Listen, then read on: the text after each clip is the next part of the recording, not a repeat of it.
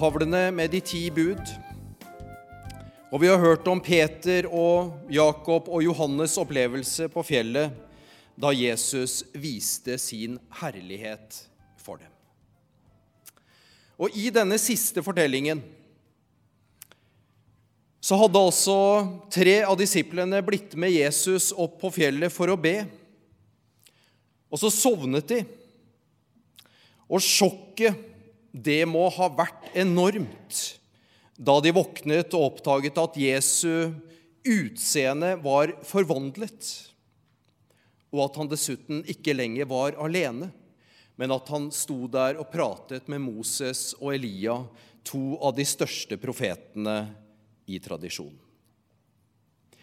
Og Da Moses og Elia etter hvert gjør seg klare til å dra, så er det Peter som så ofte før som bryter inn og sier, 'Mester, det er godt at vi er her.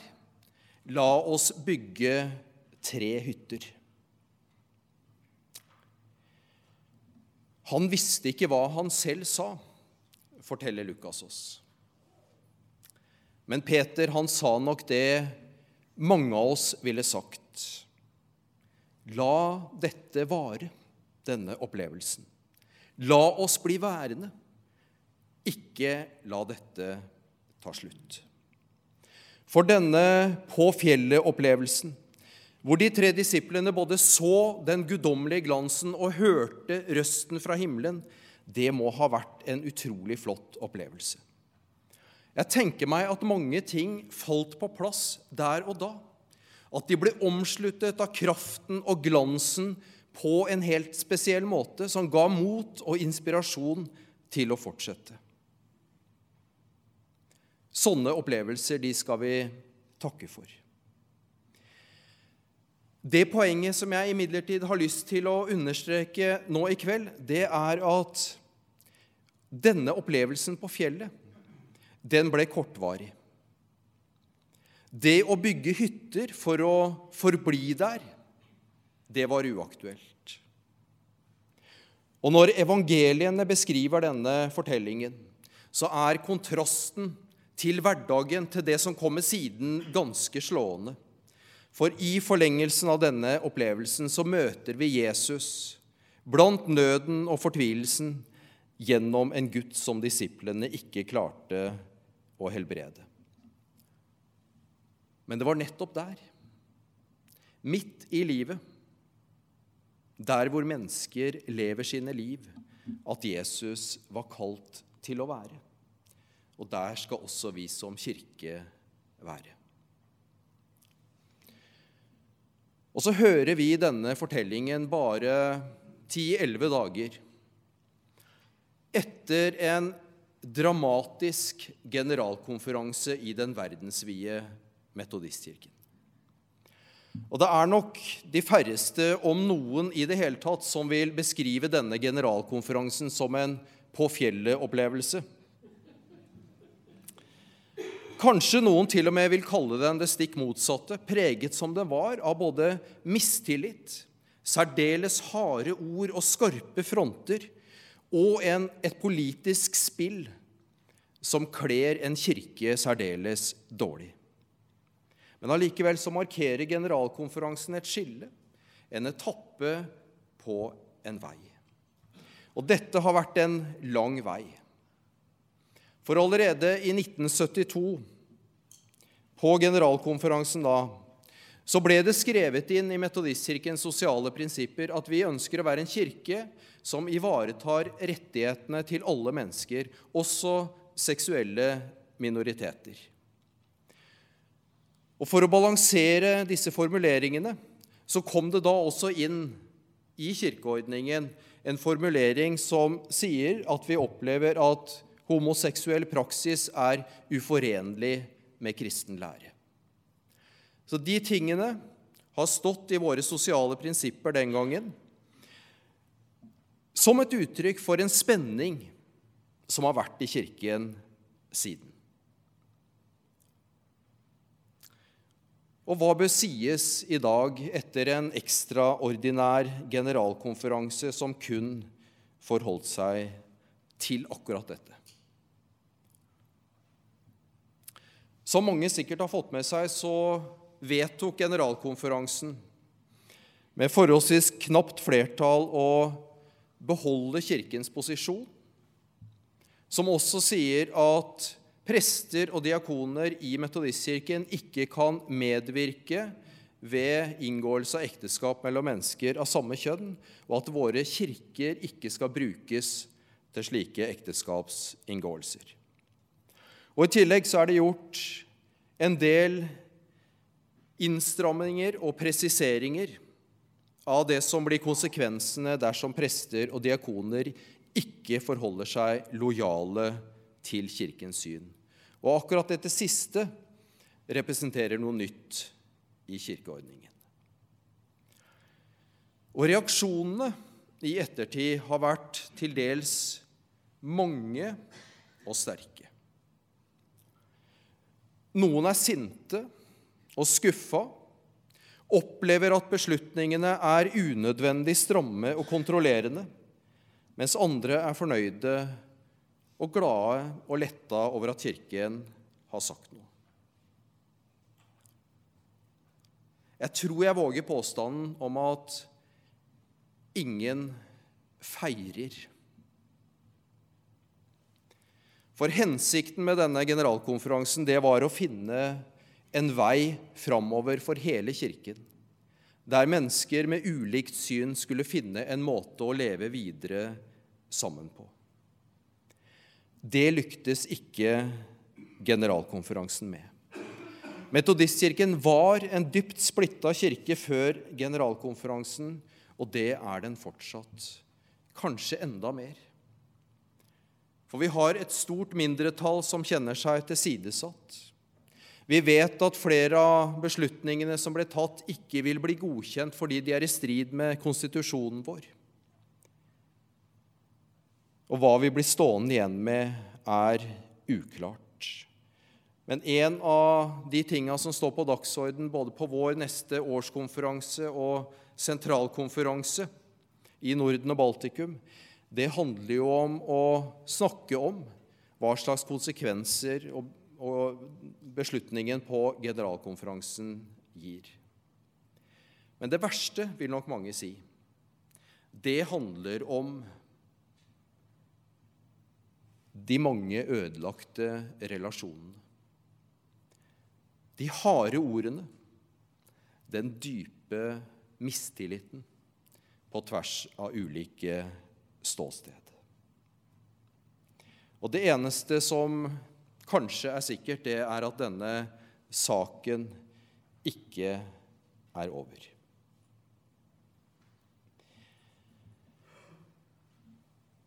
Jeg har fortsatt et håp om at vi som kirke framover skal finne bedre og mer konstruktive måter å håndtere denne saken på.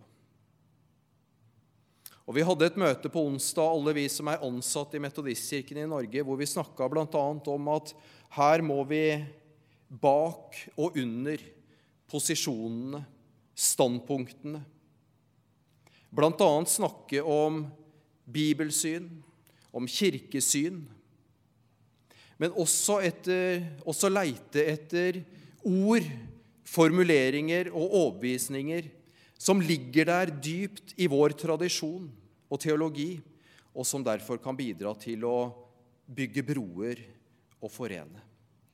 Og jeg tror det er noe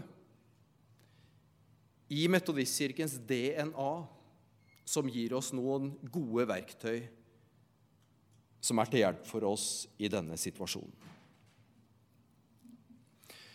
For det første når det skal sies noe karakteristisk og helt typisk om metodistisk teologi, så er nåde det store nøkkelordet. Igjen og igjen så understreker vi som kirke det helt grunnleggende i kristen tro. At det står en skapende Gud bak alt. En Gud som vil livet, og som har skapt alle mennesker i sitt bilde. Det betyr at ingen av oss er resultat av en upersonlig eller tilfeldig prosess, men at Gud er dypt personlig engasjert i hvert enkelt menneske. Alle som vet noe om Guds kjærlighet, til, om foreldres kjærlighet til sine barn, vet noe om Guds kjærlighet. Foreldre slutter aldri å elske. Gud slutter heller aldri å elske. Og det å tro på Gud, det handler dypest sett derfor om å leve med et livsperspektiv som forteller oss at både jeg, alle andre mennesker og alt det skapte, er omsluttet av Gud som den store kjærlighetskraften. Det uttrykker noe av grunnholdningen vår som kirke. Og det er en grunnholdning som nesten ikke kan annet enn å utstråle varme. En varme som er et resultat av vårt syn på nåden, og som er en, et sånn grunnleggende perspektiv på alt hva vi tenker om det å være kirke. Og så er det noen nå som med bakgrunn i dette, og også med bakgrunn i at vi også sier at vi er en kirke med åpne dører, åpne sinn og åpne hjerter, lurer på om er dette fortsatt sant? Eller er det noen dører som er lukka nå? Og Jeg tror det er derfor biskopen i sitt hyrdebrev understreker ganske tydelig at våre menigheter de har ikke forandret seg. Alle er fortsatt velkomne men også at vi er lei oss for den smerten som denne debatten har påført mange homofile og lesbiske, og at dette for oss faktisk ikke handler om en sak eller et spørsmål eller et tema, men at det handler om mennesker.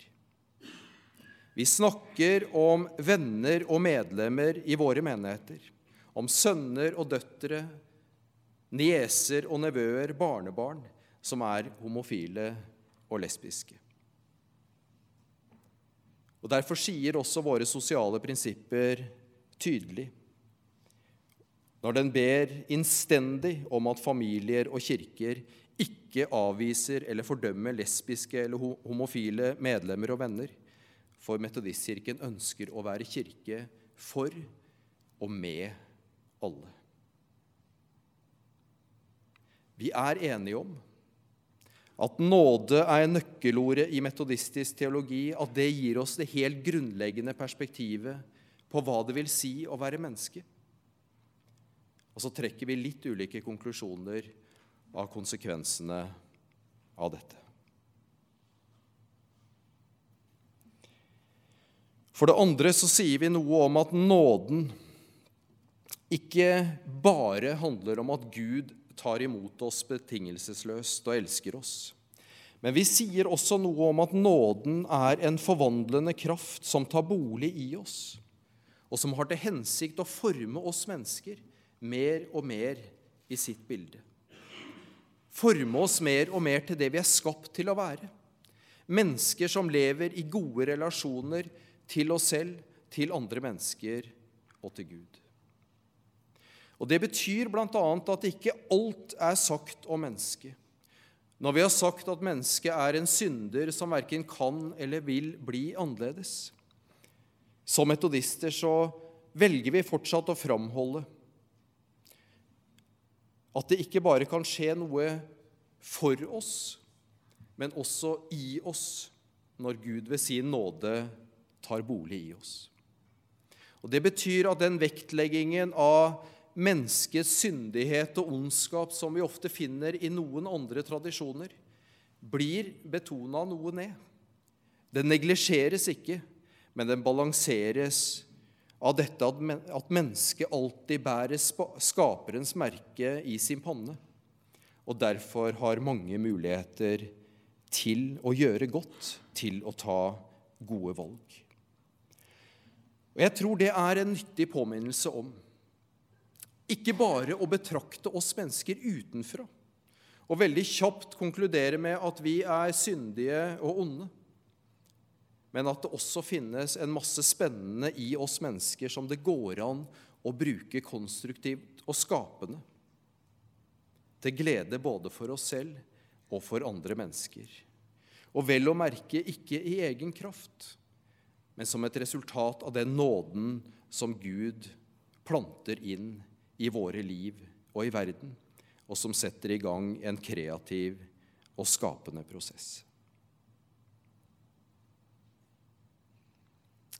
Og på bakgrunn av det våger vi å snakke om, eller enda mer våger vi å forvente, at kjærligheten er en kraft som gradvis kan vokse seg sterkere i livene våre, og at helliggjørelse er noe helt annet enn det å innta de rette meningene i aktuelle trosspørsmål, eller noe som har, først og fremst har med moralske valg å gjøre men at det er en erfaring som har potensial til å prege oss på avgjørende måter. Og hvis vi våger å snakke om det, hvis vi våger å forvente det, hvilken betydning har det for måten vi forholder oss til hverandre på?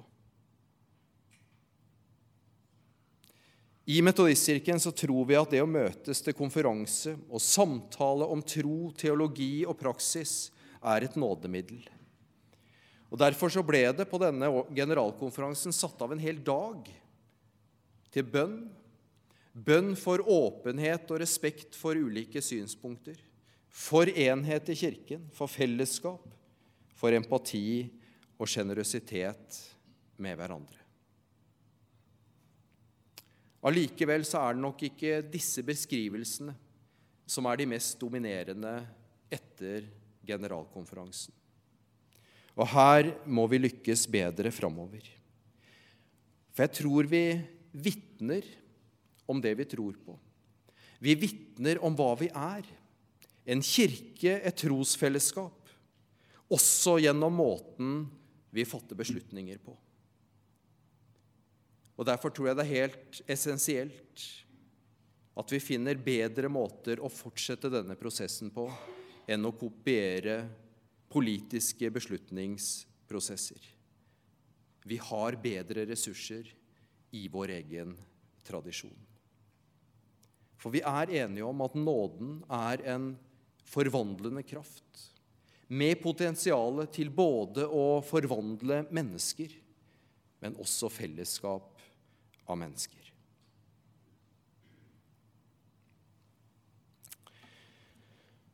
Og For det tredje så er det sånn at Metodistkirken legger vekt på refleksjon og på friheten til å komme fram til ulike svar på også mange av de store spørsmålene i livet. Og Forbildet på dette finner vi hos Jesus. Det er veldig interessant å lese en del av historiene i evangelien der Jesus blir spurt om helt konkrete spørsmål. Ganske ofte så velger han å ikke gi et kort og enkelt og greit svar. Men han forteller gjerne en lignelse. Han stiller et motspørsmål. Og på den måten så utfordret han den enkelte til undring og refleksjon. Og jeg tror han gjorde det i respekt for den enkeltes evne til å tenke og reflektere. Og han visste noe om at det vi tenker oss fram til på egen hånd, det blir vårt på helt andre måter enn det vi ofte ubevisst overtar fra andre. Og På dette området så var også John Wesley, vår kirkefar, forbilledlig. Han så betydningen av å tenke klart. Han hadde sterke overbevisninger som han argumenterte heftig for. Samtidig så var han tydelig på at ingen kan være helt sikre på at ens egne overbevisninger er de helt rette. Og det interessante, det, er, det mest interessante det er kanskje dette at han vurderte trosoverbevisninger ut fra i hvilken grad de bidro til forvandlingen av mennesket eller ikke. Så lenge det kunne dokumenteres at en spesiell trosoverbevisning ikke hindret Guds frelsende verk og nådens forvandlende verk i et menneskes liv, så ville han tillate det, selv om han personlig var uenig.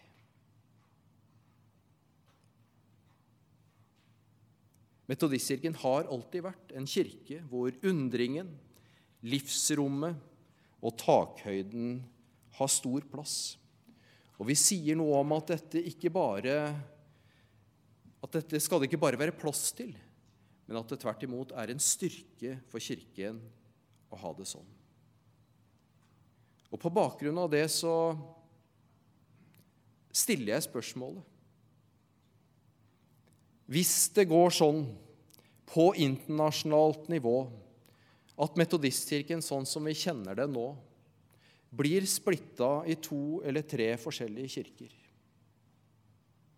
vil vi i Norge ha både kraft til, styrke til, vilje til, raushet til å forbli i én kirke, i respekt for at det i denne kirken finnes både ulike tanker om dette, men også ulik praksis. Det vet jeg ikke.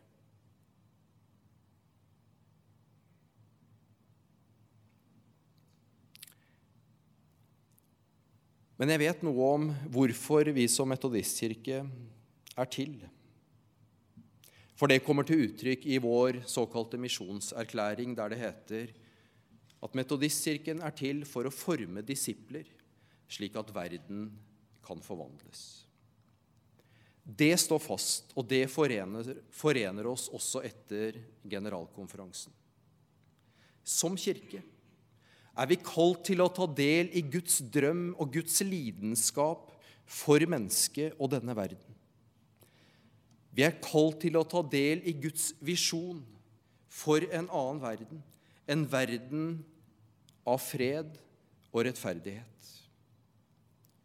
Og Derfor så tror vi at vi er på vårt beste, at vi alltid har vært på vårt beste, at vi gjør det vi tror vi er til for når vi bidrar til at mennesker, relasjoner mellom mennesker og samfunn forvandles. Og jeg tror dette samsvarer med mange menneskers behov i dag for å hengi seg til noe større, noe som lar oss få en opplevelse av å være del av en større visjon og drøm for verden. Og det må vi legge til rette for at folk kjenner seg delaktige i, i Kirken. Denne dagens tekster minner oss om at Gud er der hvor mennesker lever sine liv, midt i verden. Der er også vi som kirke kalt til å være. For den som vil følge Jesus, kan verken forbli på høye fjell eller i lukkede rom, men midt i livet, der hvor mennesker lever sine liv.